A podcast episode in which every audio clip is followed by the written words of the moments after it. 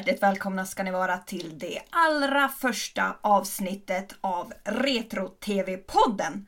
Podcasten där vi riktigt nördar ner oss i gammal klassisk television. Jag heter Erika och med mig har jag min partner in crime i de flesta lite märkliga projekt och min bästa vän sedan många, många år tillbaka, Linnea Mäler. Hej Linnea! Hej Erika! Hur känns det så här, det allra första avsnittet av Retro-TV-podden? Jo, det, det känns bra. Eh, spännande ska det bli, för vi vet ju inte riktigt vart vi hamnar nu. Det är som sagt första gången vi gör en podd och eh, vi har ju tendens att komma in på stickspår och börja prata om obskyra 60-talsserier. Så vi, vi får väl se om vi lyckas ta oss tillbaka till ämnet, men det ska vi göra vårt allra bästa för att klara av. Både du och jag, vi är ju TV-nördar kan man säga. Tillsammans har vi ju konsumerat oändliga mängder TV. På lite olika genrer också, så vi täcker nog in de flesta genrer ganska bra. För du är väldigt förtjust i till exempel science fiction. Ja, och mycket krimserier och lite sånt. Och du är mer inne på det mer realistiska och vardagsnära och så.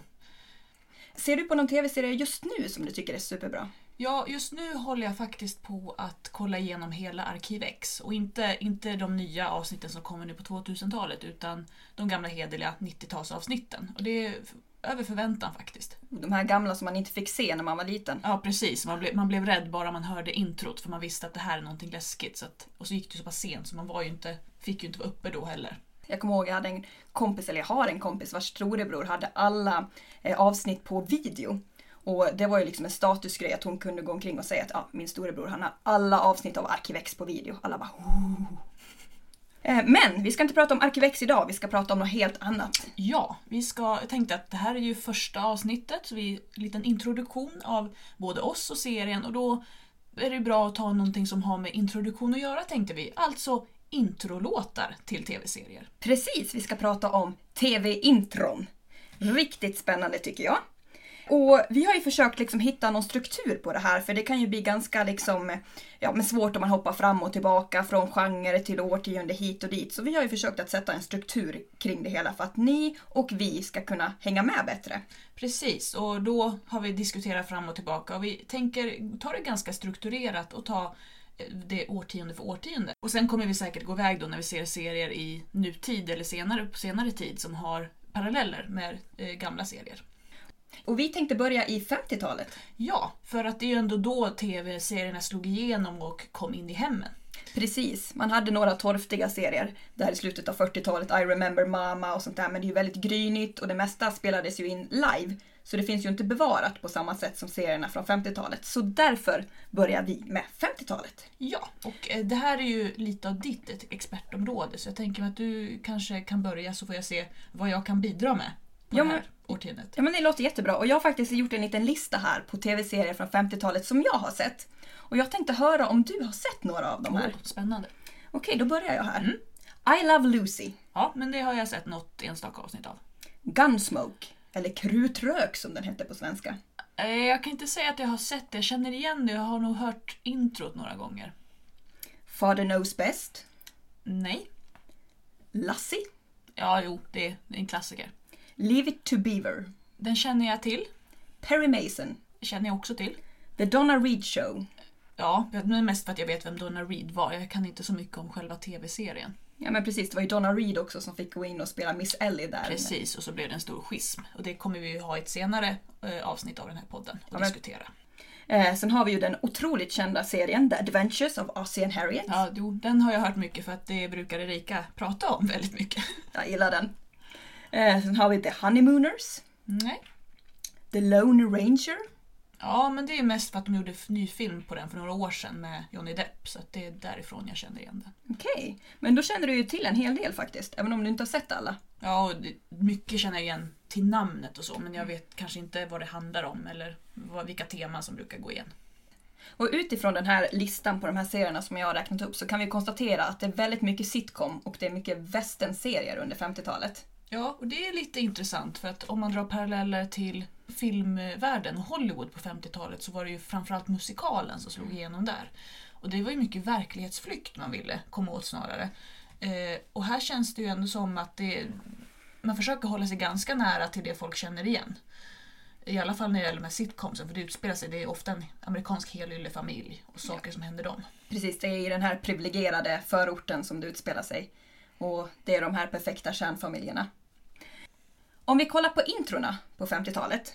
Så västernserierna har ju liksom det här klassiska västern-temat. Man ser ofta en man komma ridandes på en häst i det här dramatiska amerikanska Wild West-landskapet. Och så har man en låt till som liksom ackompanjerar hästens galoppsprång. Precis, man brukar ju alltid höra direkt att det här är en westernserie. Även om man inte ser introt. Så det, det är specifika instrument man använder och ofta det här för att härma eh, galoppen eller skritten hos hästen.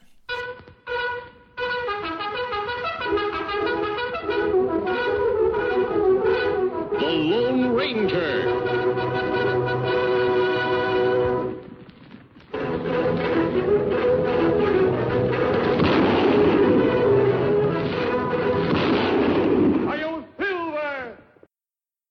Och kollar man på sitcomsen så det är ju liksom en annan typ av musikbild för det är ju en annan typ av serie. Här har man ju väldigt preppy låtar. Det är väldigt mycket Ja, det är glatt och det är trevligt och är, man ska veta redan när man börjar titta på det att här kommer inte hända någonting ont. Det, det kommer vara lite slapstick och det, och det, kommer kanske bli någon rolig förveckling men man behöver inte vara nervös för att det ska hända något dramatiskt egentligen. Nej, det är väldigt präktigt helt enkelt. Eh, och något som är gemensamt för egentligen alla tv-serier från den här tiden och alla intron, det är att man, att man har en berättare som läser titeln på serien och sen presenterar alla huvudrollsinnehavare. Eh, och då, då funderar man ju på att anledningen till varför man var så noga med att i ljud presentera huvudrollsinnehavarna berodde det på att tv-mediet var nytt på den här tiden. Det var ganska svagt och man kände att vi behöver stjärnor som kan bära de här tv-serierna för att folk ska titta. Vad tror du? Jag tror att eh, det finns någon poäng i det. Sen tror jag att det är mycket det att eh, det ligger fortfarande ganska nära till hands att folk lyssnade mycket på radio. Och i radio när man hade eh, dramatiseringar så var man ju tvungen att läsa upp vem det var som var inläsare eller vem det var, vilka skådespelare som var med. Och jag tror att det hänger kvar då att folk förväntade sig att man skulle få uppläst vilka skådespelarna var. Så att det är nog en, en kvarleva från radion till stor del. Mm, det har du nog rätt i. Och många av de här tidiga serierna var ju också, de var ju ursprungligen radioserier. Både I Love Lucy och The Adventures of and Harriet, de hade ju varit på radio tidigare och lyftes sedan över till tv-mediet. Okej, ja, men då har man ju säkert gjort så för att koppla ihop det med radioserien för att få radiolyssnarna att börja kolla på tv-serien också. Och det är så roligt att till och med i Lassie så har man den här liksom starring Lassie as Lassie. Det är ju jättecharmigt. Ja, det är lite roligt faktiskt. Tanke på att, det, att hunden aldrig hette Lassie utan det var ju diverse olika hundar under seriens gång. Precis. Som fick spela den här Colin. 50-talsintrot i sin mest extrema form, det hittar man kanske i just min favoritserie, The Adventures of Ozzie and Harriet. För där har vi nämligen en riktig familj som spelar en fiktiv familj. Mm, med samma namn va? Väl- Precis. Så i introt så är det ju liksom så här att here's Ozzie who plays Ozzie Nelson and here's Harriet who plays Harriet Nelson. The Adventures of Ozzie and Harriet, starring the entire Nelson family Ozzie, Harriet, David, and Ricky. Here is Ozzie, who plays the part of Ozzie Nelson. And of course, his lovely wife Harriet as Harriet Nelson. The older of the Nelson boys, David, appears as David Nelson. And his younger brother, the irrepressible Ricky, played by Ricky Nelson. Det måste ju vara väldigt förvirrande då för de som kände dem privat om de inte är lika helylle i verkligheten som de framstod som på TV. Precis, och det var de ju verkligen inte. Eh, Ozzy han var ju ganska, han var ju ganska helylle och liksom rekorderlig. Men Harriet hon hade ju ett förflutet på The Cotton Club. Eh, så hon var ju verkligen inte den här helylle eh, amerikanska förortsmamman utan hon rökte ju, hon tyckte om att ta sig en drink innan middagen, hon kunde inte laga mat och hon var som sagt gammal eh, estraddansare kan man säga. Och det var väl egentligen det som hände på 50-talet. För sen kommer vi in på 60-talet och då är det någonting helt nytt som börjar. Och de flesta av de här serierna som eh, startade på 50-talet, de överlever ju faktiskt inte in på 60-talet. Eh, Det är ju kanske de här westernserierna som håller på lite längre och oftast lever längre. Och det har väl troligtvis mycket att göra med att där finns det utrymme att göra väldigt dramatiska handlingar och sånt. Eh, man kanske inte vill orka se 500 avsnitt av Lucy och Rick Arnaz när de håller på med samma typer av problem. Det får ju aldrig riktigt hetta till heller så att det blir väldigt mycket upprepningar och så. Så rent generellt kan man ju se att västernserier har haft en tendens att överleva länge. Gunsmoke gick i hur många år som helst. Bonanza började ju redan på 50-talet och gick hela 60-talet. Så de, som du säger, det fanns ju verkligen utrymme för att skapa dramatik där. Annars så är det ju eh, framförallt fantasy och science fiction som är de stora sakerna som hände på 60-talet. På 60-talet så hade ju TV funnits i ett tiotal år, det hade mognat, det hade etablerat sig som underhållningskanal och man kunde ju rent tekniskt sett också ta ut svängarna lite mer än vad man hade kunnat under 50-talet. Mm, jo, det stämmer. Eh, till exempel så man hade lärt sig hur man håller på med trickfilmning eh, för, för TV också. Då, eh, det var säkert lite lägre produktionskostnader och man visste hur man skulle producera TV ganska snabbt för en ganska billig peng. Så utöver westernserierna som fortfarande håller igång en hel del så kommer ju upp alla de här väldigt roliga serierna. Till exempel Eh, The Addams Family och The Monsters som var ännu större än The Addams Family. I Dream of Genie, Bewitched, eh, Batman-serien kom i slutet på 60-talet också. Den här med det tecknade introt och Adam West som springer runt och det är eh, mycket färg och det är mycket galenskap och det är väldigt mycket, det kommer in och står pow, wow, Show! och allt möjligt sånt. Alltså rent generellt så är det ju väldigt mycket tecknat i 60-talsintrona. Det ser man ju både i i Dream of Jeannie och Bewitched och The Flintstones. Är liksom, man har ju samma typ av... Uh, ja, av teckningar ja. Precis. Eh, det är lite roligt just det här att man eh, väljer att gå ifrån den här berättarrösten som berättar Oh, now introducing bla bla bla bla. Mm. Och den här personen som den här. Och istället så är det en tecknad eh, karaktär som är väldigt lik skådespelaren men som är en karikatyr av skådespelaren och så står det skådespelarens namn. Och man har, man, precis som du säger, det här att det har mognat. Man, man sätter mer tillit till publiken, att de ska bli intresserade av det ändå. Man sätter mer fokus på just själva musiken och det som händer runt omkring för att locka tittaren att börja titta. Jag har tänkt lite på det här ehm, just med de här kontrasterna. Att 50-talets förortsromantism, realism efterföljs av den här science fiction, det här övernaturliga. Och jag som konstvetare, jag drar ju genast parallellerna till Wöfflin och hans teori om att renässansen alltid efterföljs av barock. Det vill säga det här, de här lugna symmetriska formerna efterföljs alltid av någonting som är liksom lite dramatiskt. Och det var ju väldigt lugnt under 50-talet. Det var de här trygga storylinesen, de här trygga familjerna. Och så kommer vi till 60-talet och då är det ju dramatiskt. Det är ju dramatiska färger, det är eh, allt det här tecknade, det är den här magin, de är ute i rymden. Det är ju väldigt mycket dramatik i jämförelse mot vad som hände på 50-talet. Ja, och det får vara väldigt absurt också. Man, det, det, behöver inte finnas någon realism överhuvudtaget utan man, man, man tar en vanlig person och sätter dem i en miljö eller med andra konstiga karaktärer som ställer allting på ända och så får man se hur den här personen försöker navigera eh, sitt normala läge på något sätt. Eh, till exempel, jag tänk, då tänker jag kanske på Bewitched, det stackars Darin. Som är en vanlig människa. Han råkar gifta sig med en häxa och får en svärmor som är väldigt, väldigt eh, irriterande häxa i alla fall för honom. Och så, för det handlar mycket även om serien följer Samantha och hur hon då försöker vara en vanlig kvinna så det är ju lika mycket om hur Darin ska hantera situationen han hamnat i. Och det är ju så roligt att på 60-talet när den här serien började sändas, jag tror första avsnittet sändes 1964, så stod ju större delen av publiken på Darrens sida och tyckte att Darren hade liksom lätt, rätt att säga åt sin fru att nej, du får inte använda magi för att städa huset. Du får inte använda magi för att jag ska kunna prata flytande franska med mina kunder. Du får inte använda magi för att eh, skala potatis. Utan du ska vara en vanlig, hederlig amerikansk hemmafru.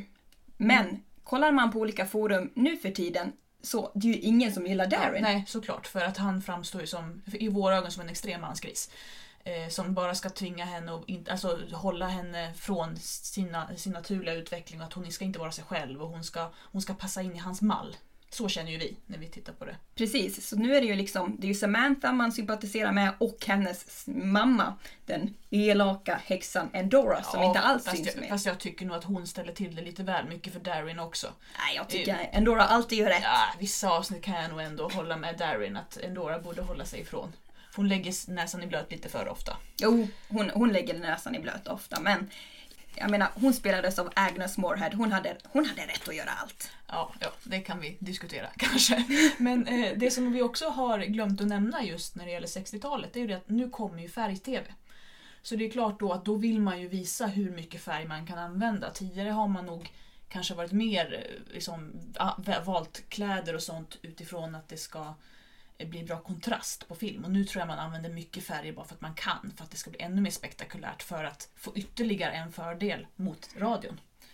Ja, och då är det så intressant just de här serierna från tidigt 60-tal. Som till exempel eh, ja, men The Lucy Show. Där Vivian Vance och eh, Lucille Ball spelade två eh, väninnor som bodde tillsammans. Den serien, den gjordes ju i färg från och med andra säsongen. Men man visste ju att det var ju så många som fortfarande hade svartvit TV. Så gällande sminket så var man tvungen att sminka eh, på ett sätt så att det passade både färg-TV och eh, svartvit TV. Vilket resulterar i att både Lucy och Vivian har knallblå ögonskugga genom alla färgsäsonger. Och det ser faktiskt inte riktigt klokt ut på färg-tv, men i svartvitt ser det väldigt bra ut. Ja, det kan jag tänka mig. Det är som man börjar kolla på så här foton från eh, 20-talsfilm. Eh, om man, någon har liksom lyckats ta ett av de få färgfotona som finns och så har de helt gult läppstift eller svarta, jätte, jättekolsvarta ögon och allt möjligt bara för att det ska se bra ut på film. Men det ser helt förskräckligt ut i verkliga livet. Ja, jag sminkade mig så en gång, jag såg ut som ett spöke. Det var fruktansvärt. Eh, ja men annars det man kan säga för alla intron under den här tiden, förutom att det är eh, mycket färg och sånt, det är ju det att man använder, man har ofta tagit eh, en låt eller skrivit en låt och lagt på en text som beskriver hela handlingen eller beskriver karaktärerna. Så istället för den här berättarrösten som presenterar titeln och skådespelarna så presenterar man hela premissen egentligen. Ja, och ett, ett känt exempel på det här är ju eh, Gilligan's Island. Ja, där får man ju verkligen höra hela storyn för det, det är väl ett, ett, ett gäng med personer som har blivit strandsatta. Och där sjunger de hela tiden om alla de här personerna och hur, hur de hamnade där de gjorde och, The Skipper and his wife och... ja, och liksom alla karaktärer. Just sit right back and you'll hear a tale, a tale of a fateful trip that started from this tropic point aboard this tiny ship. The mate was a mighty sailing man, the skipper brave and sure. Five passengers set sail that day for a three-hour tour. Det som jag också tycker är intressant med 60-talet, det är ju att även om det är väldigt eh, orealistiskt, så är det ändå realistiskt. För man har ju plockat in omvärlden. Jag tänker ju på den här eh, kapplöpningen när det gällde att komma först till månen mellan Sovjet och eh, USA. Det här intresset som fanns för rymden, det har man ju plockat in i allt det här.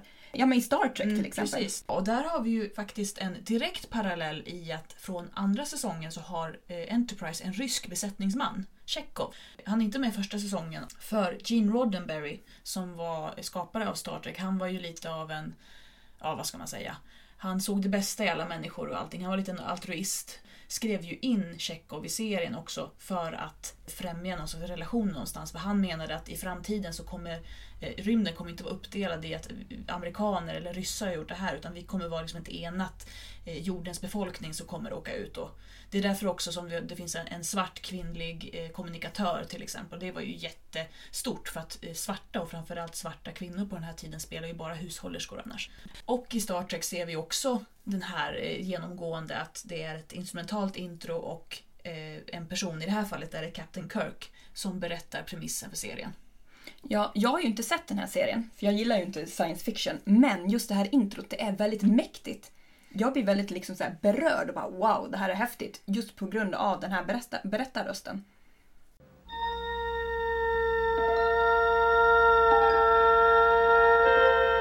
Space, the final frontier.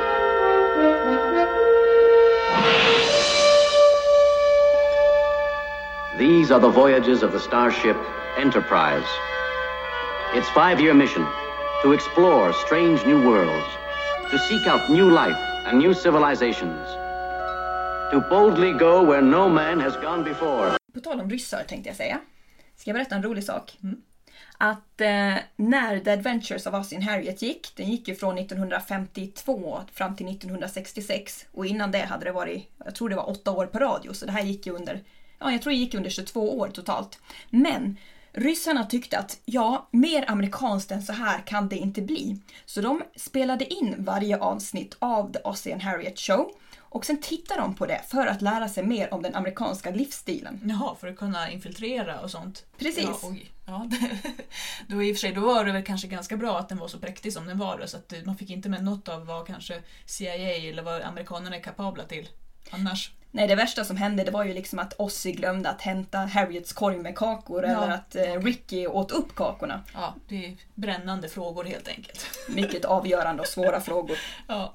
Sen händer ju någonting helt nytt igen när vi kommer in på 70-talet. Ja, på 70-talet då blir det mer realism. Ja, det blir skitigt. Man har ju gått också från ett USA som var ganska präktigt till ett USA som drabbades av ganska mycket Ja men man hade hela det här, ja, Kennedy sköts ju 63 redan. Mm. Och sen 68 så är det Martin Luther King och eh, Bobby Kennedy som blir Ja. skjutna. Och sen hela det här Vietnamkriget. och allting. Under 70-talet så har ju USA en serie med kriser. Med dels I slutet mot 70-talet kom ju oljekrisen. De har väldigt många inhemska terrorbrott eh, med hon eh, Hearst som blir kidnappad och blir, hjärntvättad. Och det händer mycket, mycket saker som händer i USA på 70-talet som man kanske försöker spegla mycket i, i serierna också. Watergate, Ja, ett exempel. Precis. I, även i Sverige så har vi mycket realism och det är väl då Hem till byn börjar sändas också. Ja, Hem till byn kom ju i början av 70-talet och det handlar ju om människorna i en liten by på landsbygden och hur deras förutsättningar förändras genom den här automatiseringen av skogsbruket och hur man från lands, vad heter det, Landsstyrelsens håll vill ehm, effektivisera jordbruket och skapa liksom enskilda storjordbruk på trakten och att alla småbönder ska slås ut. Eh, Så det är en väldigt realistisk serie som är väldigt välspelad och välskriven. Men introt, det är väl kanske det mest trist realistiska jag har sett i hela Ja, mitt liv. det, händer inte mycket där. Det, eh, musiken är väldigt fin men själva det visuella det lämnar ju faktiskt en hel del att önska. Precis, vi har ju den här Bergkristis polska av Jan Johansson. Men vad får vi se? Jo, vi får alltså se en karta där det står utvecklingsplan över skogsdistrikt 3.1 eller liknande.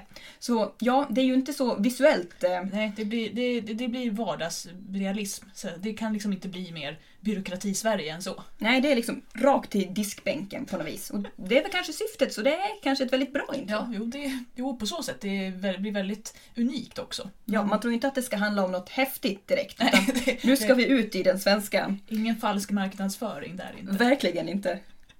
Eh, och när det till exempel i USA då, det är ju här det börjar komma många av de här polisserierna, de här detektivserierna som Kojak och Baretta och alla dem. Eh, och de introna är ju också väldigt, börjar få en egen nisch också.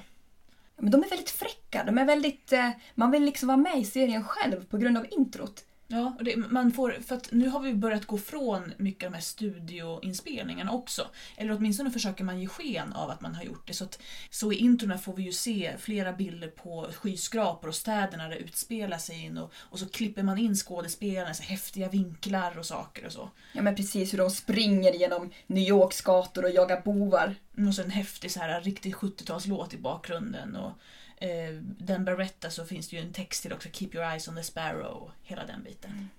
Den är det många som har sjungit i bilen. Jajamän. I alla fall jag.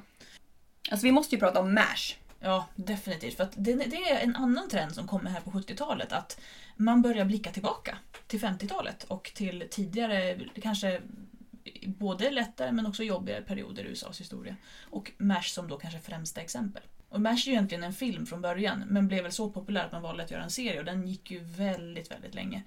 Och eh, det är också intressant för att även MASH är ju en sitcom egentligen. Men har ändå den här realismen under och den här allvarliga undertonen.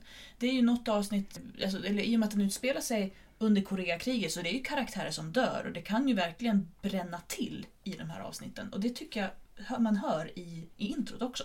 Ja, det gör man definitivt för det är inget typiskt sitcom-intro. Det är inte alls glatt och glättigt utan det är ju allvarligt. Ja, det är den här fina, finstämda eh, musiken och vi får se hela eh, deras läger och allting runt omkring och så. Precis, och sen hör man väl helikoptern som snurrar också.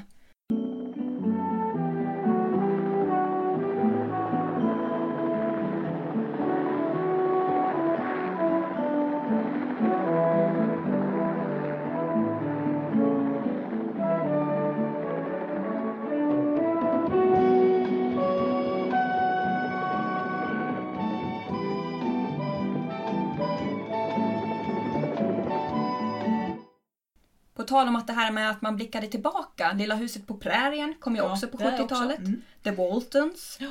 eh, Happy Days. Ja, Gänget och jag på svenska. Eh, ja, där har vi ju att vi har återgått till de här westernserier, eller liksom Lilla huset på prärien och The Boltons. För att här har väl, under 70-talet så slutar de här 50-talsserierna att gå, vissa av de långkörarna. Mm. Och då skapar man en ny långkörare istället, som har lite annorlunda tema, men det är så tydligt att amerikanerna har någon förkärlek till, liksom, till vilda västern och vad som hände då. Och att de vill blicka tillbaka. Det är intressant för var vilda västern verkligen så kul? Du som har jobbat på High Chaparral och jobbar där fortfarande. Ja, alltså. Det kan ha varit både och, men jag tänker mig att fick du minsta lilla sticka och, och det gick in i huden så hade du varit tvungen att kapa halva armen sen för att det fanns ingen, ingen antibiotika eller antiseptiskt, eh, antiseptiska mediciner eller någonting. Så att eh, det var nog eh, ganska tufft för de här människorna. Och framförallt de då som bröt ny mark och skulle åka ut på prärien och, och starta ett, litet- en liten gård med djur och djurhållning och så.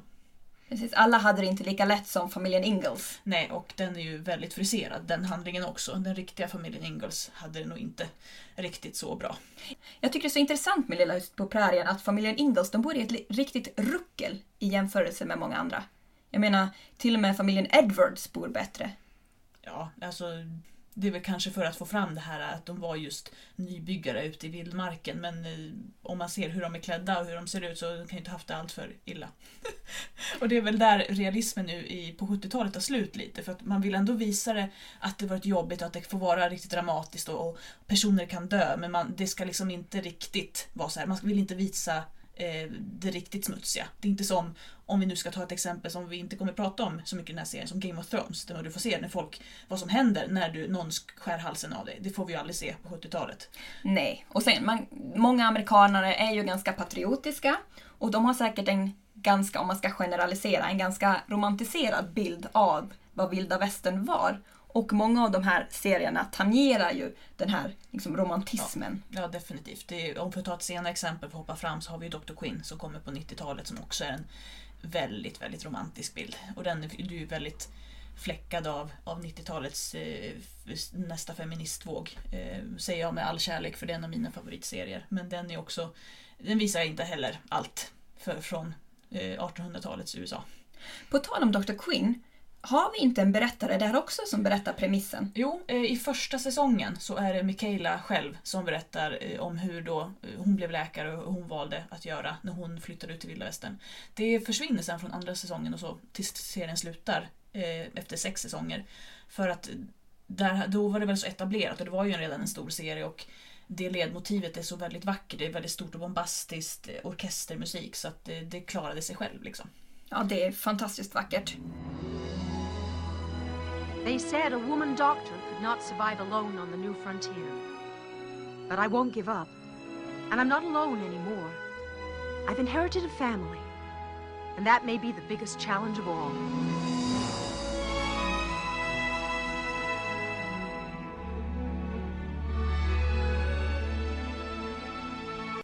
Jag såg en serie för några år sedan som hette Christie. Och det handlar ju om en ung skollärarinna som flyttar upp i The Smokies, The Great Smokies. Känns som att det är lite samma, samma tema. Ja, och att man hade liksom nästan kopierat hela Dr. Quinn-introt. Nej, Just liksom bild för bild och sen den här berättarrösten. Jag lämnade min stad för att bli i The Great Smokies och bla bla bla. The Great Smokies. When I left my city home to be a school teacher at a backwoods mission, I dreamed of adventure. I wasn't ready for the real challenges of life in these mountains. I'd have given up if not for the children. I came to Cutter Gap to teach, but they show me every day that I am here to learn.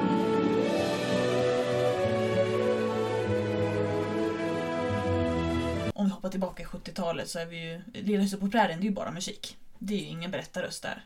Fast jag kan tänka mig också att Lilla huset på prärien var ju en så pass etablerad bokserie så att det behövdes kanske inte heller. Och eh, Michael Landon heter han va, som spelar Charles. Ja, Ja, han var ju också jättestor kändis efter att han har varit med i den här... Um, Bonanza. Bonanza var det han var med i. Så att, eh, Little Joe. Alltså till och med det. Så att det, han, det var nog väldigt mycket gratis reklam där. För att de, jag gissar att man gjorde stora saker av att Michael Landon ska nu spela Charles Ingalls i, lilla, i tv-serien Lilla huset på prärien. Så att den fick nog mycket skjuts liksom.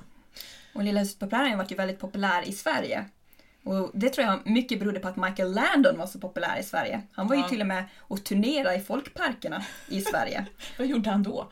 Jag vet inte riktigt. Jag har sett ett klipp på, jag tror det är på filmarkivet.se. Och då ser man Michael Landon kommer ridande på en häst och sen bredvid står en skylt med typ så här eh, Solna. Ja, ja, ja. Det är liksom, Eh, vad gör Michael Landon i Solna? Ja, ja det, det känns lite um, malplacerat måste jag säga. En aning. Du nämnde Happy Days Ja. för ett tag sedan. För det är också intressant för det är precis som MASH en tillbakablick 50-talet men en helt annan verklighet av 50-talet än vad MASH vill visa. en extremt annan bild av 50-talet än vad Mash vill visa. Här är man ju liksom tillbaka i den här 50-talsglättigheten. Ja, med jukeboxar och Ja. skinnpaj och hela grejen. Man liksom- det är väl egentligen samma tid som Grease vill visa också, som kommer, också kommer 78, kommer filmen. Se, Ja. Musikalen har ju premiär några år tidigare på Broadway. Just det. Och den är otroligt lik i, i bildspråk och det känns ju nästan som att man har flyttat specifika karaktärer emellan de här två. Mm. Mellan filmen och tv-serien för att det, det är så liksom starka likheter i För våra Fonzie karaktärer. känns ju som att han är en av, av T-Birds. Definitivt, definitivt. Eh, Och den, hela det introt är också väldigt, det låter ju som en 50-talslåt. För det är ju skriv, uppenbarligen skrivet för tv-serien men det är ju den här Monday, Tuesday, Happy Days och som alla de här körerna av stämsången och det låter ju som att det skulle varit en hit på 50-talet. Absolut. Så där har man ju använt sig av introt redan för att få den här sparken in i vad tv-serien ska vara utan att behöva ha en berättarröst eller utan. Så det är ett ganska intressant grepp man tar här. Ja, de sätter verkligen stämningen. Vi förstår direkt var vi ska befinna oss och vilken typ av serie det är genom det här introt. Och det är väl kanske det egentligen som är tv-introts stora syfte. Att sätta stämningen och vi ska förstå vad serien handlar om och vilka som är med i mångt och mycket. Ja, precis. Och det är ju det är väldigt viktigt att man har ett intro som överensstämmer med det man vill förmedla. Jag tycker vi har ju inte pratat så mycket om eh, Storbritannien på Nej, nej, det 70-talet. stämmer. Och när det kommer till realism så tänker jag genast på långköraren hem till gården. Ah, ja, Emmerdale. Emmerdale Farm. eh, Som jag är ett stort fan av och har varit i många, många år. Jag brukade faktiskt stanna hemma eh, på högstadiet för att kolla på Hem till gården. Ja. Det var ju spännande. Ja, det där kan vi diskutera också. Men eh, det är också precis som, som Hem till byn. Och det, det är kanske därför den har fått den svenska titeln Hem till gården också. För att det finns ganska många likheter. Ja, den handlar ju också om människor i avfolkningsbygd. Och hur de liksom möter den nya tiden och alla de här nya förutsättningarna som kommer gällande jordbruk och så vidare. Och det introt är också väldigt, det är också ett instrumentalt intro. Eh, I den de tidiga intro, eh, hur de har filmat så ser man väl hela det här landskapet och så va. Ja, och det är väldigt grått och det känns väldigt mycket Wuthering Heights över allting. Rent generellt så är ju de brittiska såporna väldigt realistiska. Och de handlar om vanliga människor i vanliga situationer. Mm. Och det är väl det man försöker spegla i introna också, att man visar upp att men nu är det Coronation Street och det är den här gatan. Och inte, och inte det här att här kommer den skådespelaren, här kommer den skådespelaren. Utan det, det är liksom platsen som är fokus, är platsen som driver människorna att göra saker. Ja, och genom att se den här liksom nedgångna bakgatan i den här fiktiva staden i norra England så förstår vi ju på en gång att ah, det är i den här typen av miljö som den här serien utspelar sig och i den här miljön finns den här typen av människor. Vi nämnde ju att det börjar komma mycket polisserier på 70-talet som Kojak och Beretta och vi har ju, sen kommer Charlies Änglar som börjar bli lite så här lite mer åt det glamorösa hållet. För på slutet på 70-talet så får vi lite av en våg av så här superhjälteserier. Det kommer en, en serie på Hulken och så kommer Wonder Woman och The Bionic Woman och lite allt sånt. Så man börjar försöka bryta sig ur det här lite och gå lite mer åt det glamorösa hållet. Eh, kanske just för att 80-talet blev ju en sån eh, verkligen svängdörr också med, med mycket yuppies och det ska vara lyx och flärd. Eh, Och ett jättebra exempel på det här tycker jag, för som man ser i introt, det är Cagney och Lacey. För det var ju så att de hade ju en skådespelerska som spelade Cagney. Eller fr- från början var det en tv-film med Loretta Swit spelade Cagney.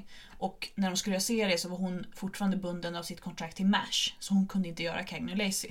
Så då tog man in Meg Foster istället. Hon med de isblå ögonen. Ja, hon ser nästan blind ut tycker jag. Det är för att hon har så ljusa ögon. Eh, och hon fick vara med i sex avsnitt och sen fick hon sparken.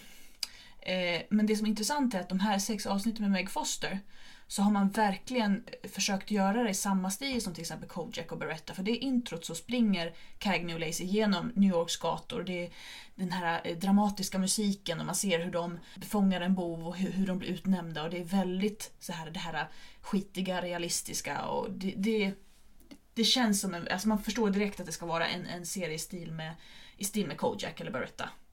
Och sen när då de byter ut Cagney, och de, det, då är vi inne på 81-82 någonstans. Så gör de om hela introt och det är en helt annan sak. Ja men det är det. Det är en helt annan stämning och det känns mycket piggare.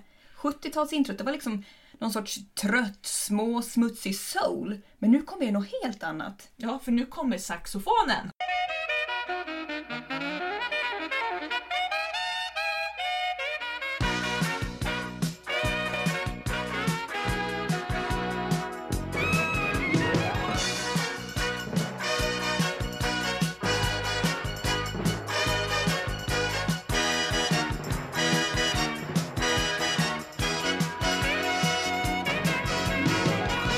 Ah, denna 80-tals saxofon. Som genomgår eh, hur mycket som helst, både Cagney och den är med i intro till den här såpan Glamour.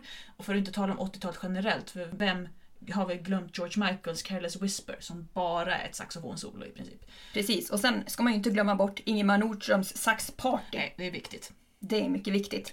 Men jag tänker på saxen, även eh, Roseanne som kom i slutet av 80-talet. Där är det ju också sax. Ja, ja det stämmer. Så det, det, saxofon är ju ett väldigt eh, tacksamt instrument så, för det är väldigt eh, Det är rikt. Ja, det går att använda till många olika stilar också. Men framförallt tycker jag i fallet Cagney Lacey så visar det här på framtidstron och lite hur man vill, hur 80-talet är. Lite rent så.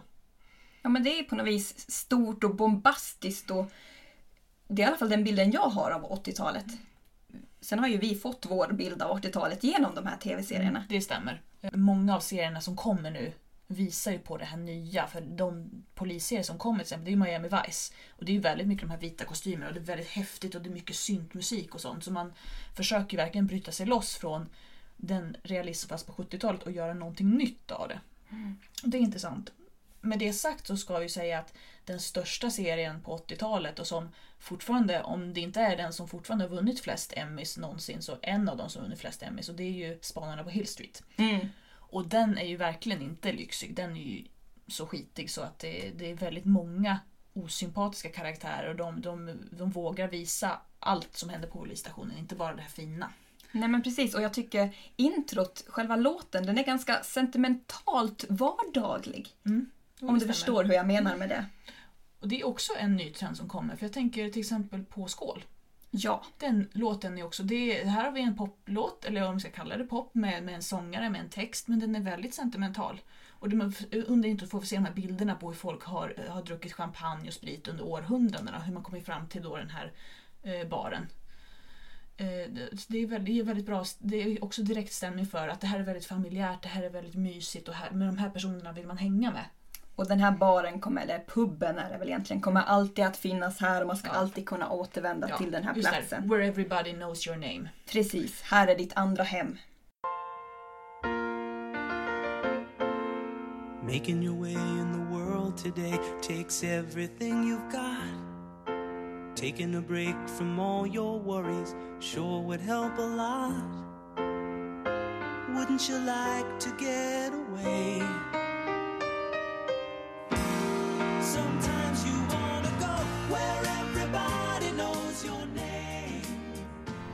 För det är också, där sätts det ytterligare en trend under 80-talet skulle jag säga. Eh, det här med att man har poplåtar eller, skriver en låt för en serie eh, med text som, man sjunger inte om personerna men på något sätt förknippas det så starkt med personerna. Jag tänker på de här familjeserierna som eh, Full House kommer det ju en poplåt Everywhere you go. Ba, ba, ba. De sjunger ju egentligen inte om karaktärerna men man sätter ju genast an vad det här är för typ av familj.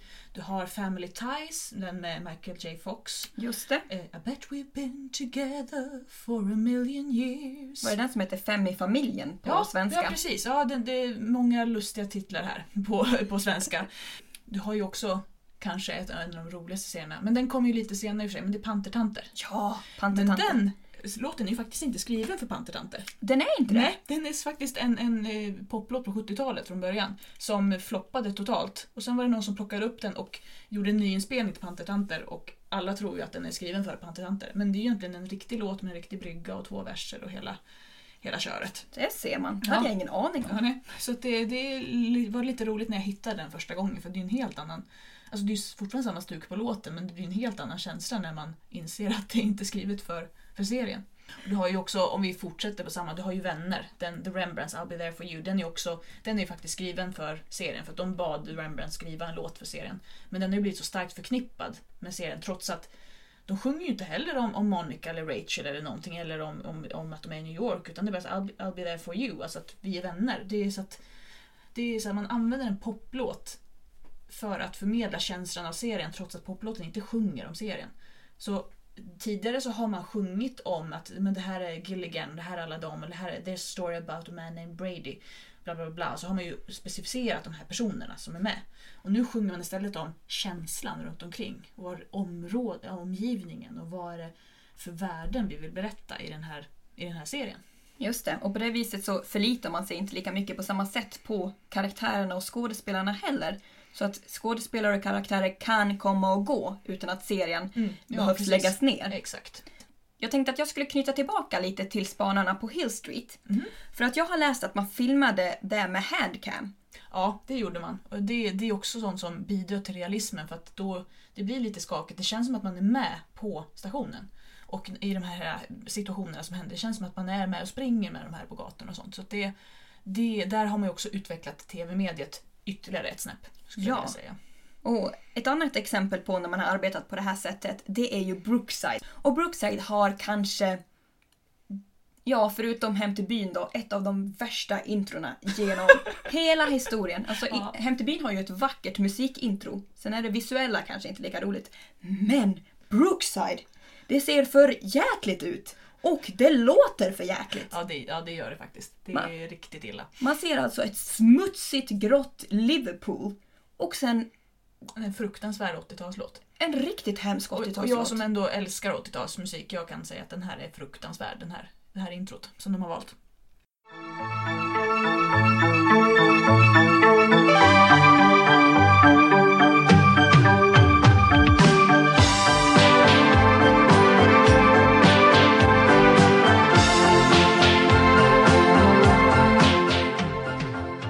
Ja, så nog med Brookside. Ja, ska vi ta en annan brittisk serie, Allo Allo? Ja, Allo Allo! Som är ju egentligen en parodi på The Secret Army tror jag den heter. Det är därför den heter Allo Allo Hemliga Armén, för den hette väl Hemliga Armén på svenska, Precis. Och Hemliga Armén var ju inte en Nej, sitcom. nej, det var ju verkligen en väldigt realistisk, dramatisk serie. Eh, och i Allo Allo, där har man ju också, för den utspelas ju på 40-talet, men den här gulliga franska melodin som går, så där är, vi befinner oss helt plötsligt på 40-talets, eh, i 40-talets Paris. Och vi, men också det, i och med att det är den här typen av melodi, det finns inget skrämmande. Även om vi är mitt under brinnande världskrig så är det, vi vet att det är en sitcom.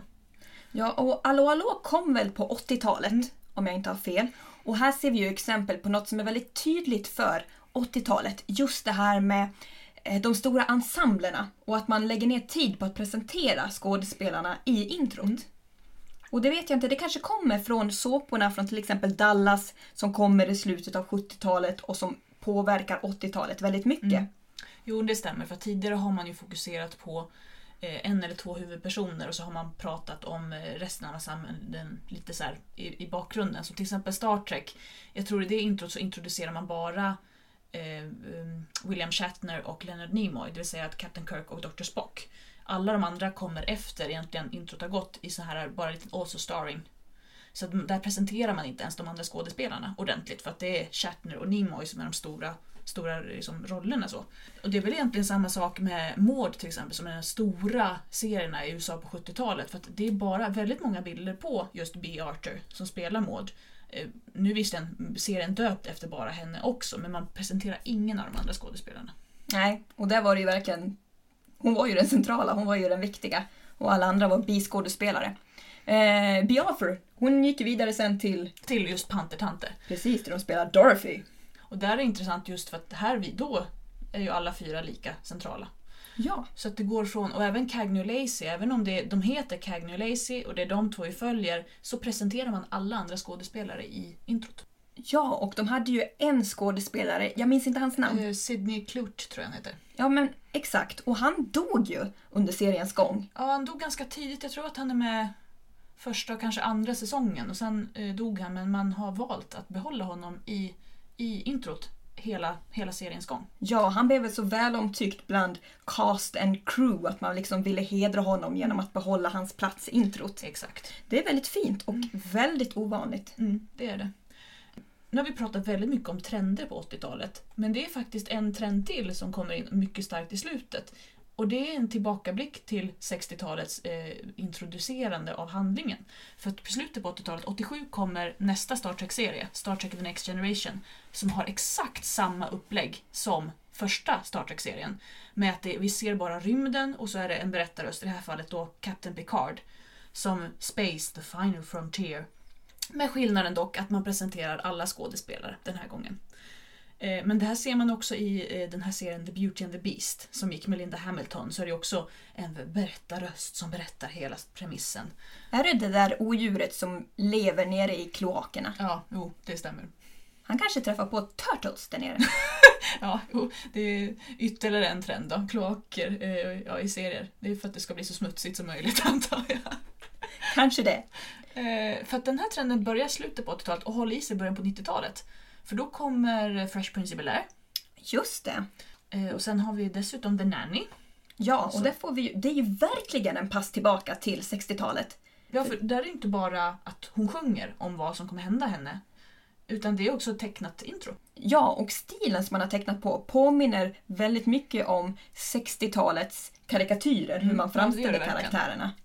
Verkligen. Och man brukar ju rent generellt säga att 90-talet, då i mode, i allting, så tittar man ju tillbaka och lät sig inspireras av 60-talet. Mm, jo, det stämmer. I slutet på 90-talet kom ju Austin Powers-filmerna och sånt. Så att det, jag tror att hela 60-talet fick någon slags renässans på 90-talet.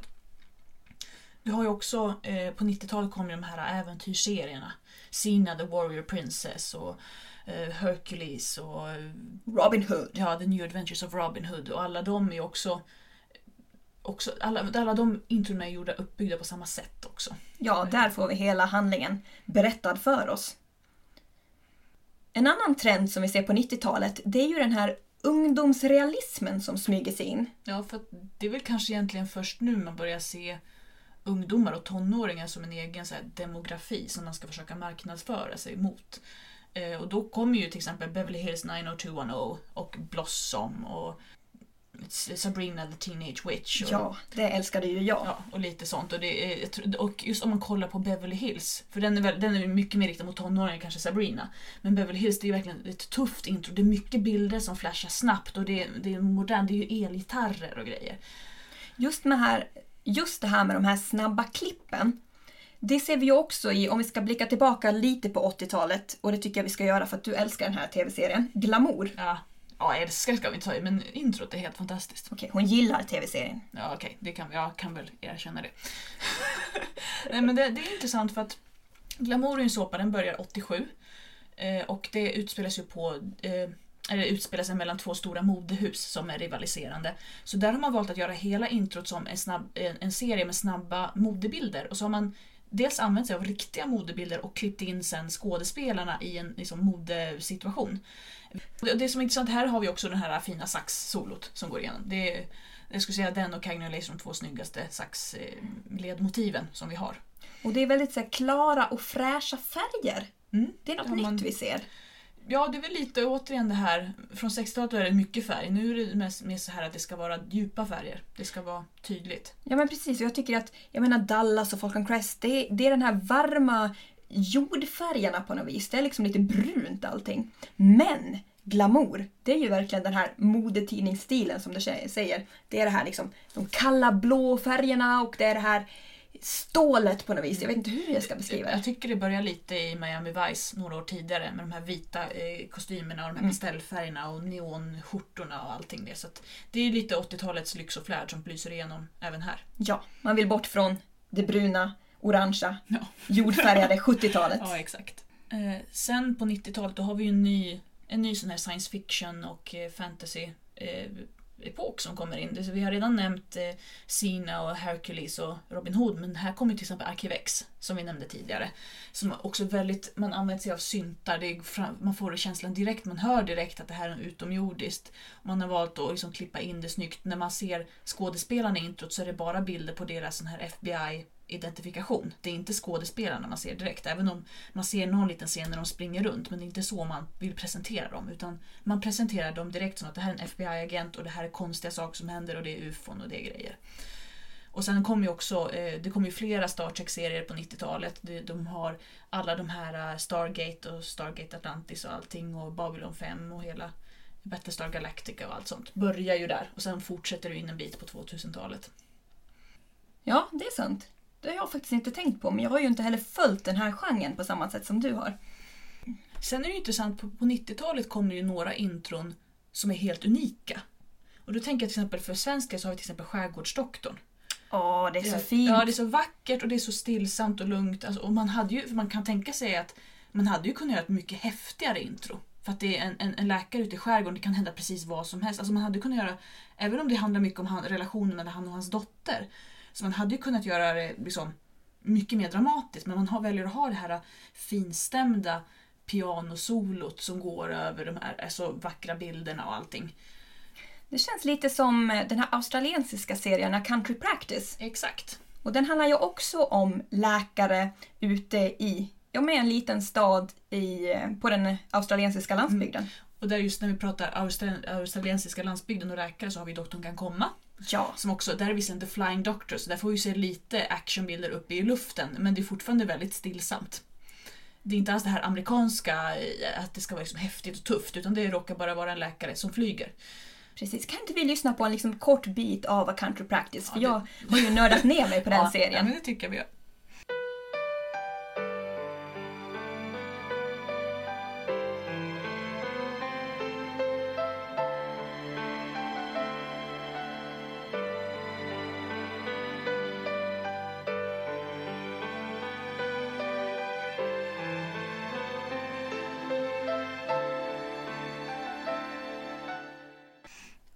Visst var det fint? Ja det, var, ja, det här är nog ett av mina nya favoritmotiv faktiskt. Ja, alltså jag sitter med tårar i ögonen varje gång jag hör det här introt. Jag tycker det är så fint! Eh, avslutningsvis ett annat sånt intro som är väldigt, väldigt unikt. Det är ju intro till Mr Bean. Ja, gud. Det, för det är väl- liknar verkligen ingenting annat. För den här gatlyktan och så hur han bara hamnar där och så kommer den här kyrkokören in. Ja, du skickade ju en artikel till mig här i veckan om att det finns liksom en symbolism i den här, i det kören sjunger. Ja, precis. För det var någon som hade... För numera så finns tydligen Mr Bean uppe på Netflix. I alla fall eh, det, de serier som man kommer åt i Storbritannien. Så det var en, en engelsman som hade kollat på Mr Bean med closed captioning, det vill säga textat. Och fått reda på att den här kören sjunger på latin i början. Och det de sjunger, det är en grov översättning är OC, människan som är en böna. Och det är ju ingen, nästan ingen som har förstått det här så att eh, han, kompositören hade skrivit det på Twitter, han tyckte det var jättekul att folk uppfattade hans skämt först nu 28 år senare. Undrar om han hade räknat med att man skulle fatta det på en gång. Alltså jag tror mest att han gjorde det nog som en rolig grej för sig själv. För att han liksom visste åh men det här är jättekul, vi sjunger om att han är en böna och så heter han Mr Bean. Och sen hade väl han liksom inte brytt sig något mer för då hade man nog försökt hinta om det tidigare tänker jag. Men så har det liksom blivit en grej nu av det. Det jag känns ju lite roligt. som att den här personen har löst ett av världens stora mysterier. Här har det skett ett stort genombrott. Ja. Eh, avslutningsvis Erika, Mm. har du något intro vi inte har nämnt som du tycker är, borde nämnas eller som du tycker är vackert eller intressant av någon annan anledning? Ja, jag tänker ju direkt på en av mina favoritserier genom alla tider. Road to Avonlea, eller Vägen till Avonlea som den hette på svenska. Och det är den, lite sån här, äh, man får lite Lilla huset och Dr. Skinn-vibbar av det också. Eller är det Anne på Grönkulla? Ja. Är det inte det? ja men precis, det är baserat på ett antal noveller som Lucy Maud Montgomery skrev. Aha. Och hon skrev ju också eh, Anne on Green Gables. Ja, okej. Det är därför man kopplar ihop de två då. Ja, och både Anne on Green Gables, alltså Anne på Grönkulla som man säger på svenska, och eh, Road to Avonlea utspelar sig i samma by. Ah, det ja. utspelar sig i Avonlea, så några av de karaktärer som vi ser i Anne på Grönkulla, de förekommer också i Road to Avonlea. Så de flyttar däremellan. Ah. Men just det introt eh, till Road to Avonlea, det tycker jag är så oerhört vackert. Musiken är fin, men de här bilderna först och främst. De här fantastiskt vackra bilderna över Prince Edward Island. Den här idylliska lilla ön i Kanada. Åh, det är så fint! Vet du att eh, Kate och William åkte till Prince Edward Island på sin bröllopsresa? Så, ja. Och de bodde på ett hotell där Felix King i Road to Avonlea jobbar i serien. Ja, ja. Mm. Det är Många häftigt. kopplingar. Ja. eh, har du något exempel på ett intro som du tycker att vi inte har nämnt? Ja, alltså ett av mina favoritintron, eh, det var min farfars favoritserie, nämligen MacGyver. Och det är så häftigt för att det, det är en väldigt speciell melodi och mus- musik, det är ju instrumentalt. Och den börjar så häftigt och sen hela titeln sprängs ut ur en sprängladdning och så liksom kommer igång och det, man, man känner direkt att det här är häftigt, det är action, det händer saker. Eh, och sen har jag en annan, ett annat intro som jag tycker är roligt och det är det som är till Svarte Orm. Eh, just det här att, eh, för Svarte Orm gick ju fyra olika säsonger som alla utspelar sig under fyra olika tidsepoker. Och då har man valt, man har använt den här melodin men man har eh, arrangerat den på olika sätt. För att liksom spegla tidsepoken som den, just den här säsongen utspelar sig i. Så i, i, i eh, tror det andra säsongen när det utspelar sig under någon slags tidig renässans, så, då är det på, fl- på flöjt. I fjärde säsongen när det utspelar sig under första världskriget så spelar man det som en militärmarsch. Så det, det är väldigt eh, snillrikt användande av samma melodi men man sätter direkt antonen för vilken tidsepok. Just det, man kan riktigt se britterna stå där vid sidan och vinka med sina flaggor och, Exakt. och heja på sina Ja. män när Ja. de ska ut i kriget. Ja, vi har pratat om mycket idag. Ja, och vi har eh, hållit oss ganska bra till ämnet måste jag säga. Ja, väldigt bra till ämnet för att vara... För att vara oss Ja, två. precis. Vi kan ju liksom glida ut i vad som helst ibland. Så, men då tycker jag att vi tar och avslutar för idag. Ja, och så nästa gång kommer vi återkomma med någonting mycket saftigare. Det kommer vi att göra. Och tyckte ni att det här var roligt att lyssna på, då får ni gärna prenumerera på Retro TV-podden. Gilla oss också på Facebook. Och vill ni se alla de här introna som vi har pratat om idag, då har vi listat dem på vår hemsida som är retrotvpodden.se. Klicka in där så hörs vi nästa gång. Hej hej! Hej då!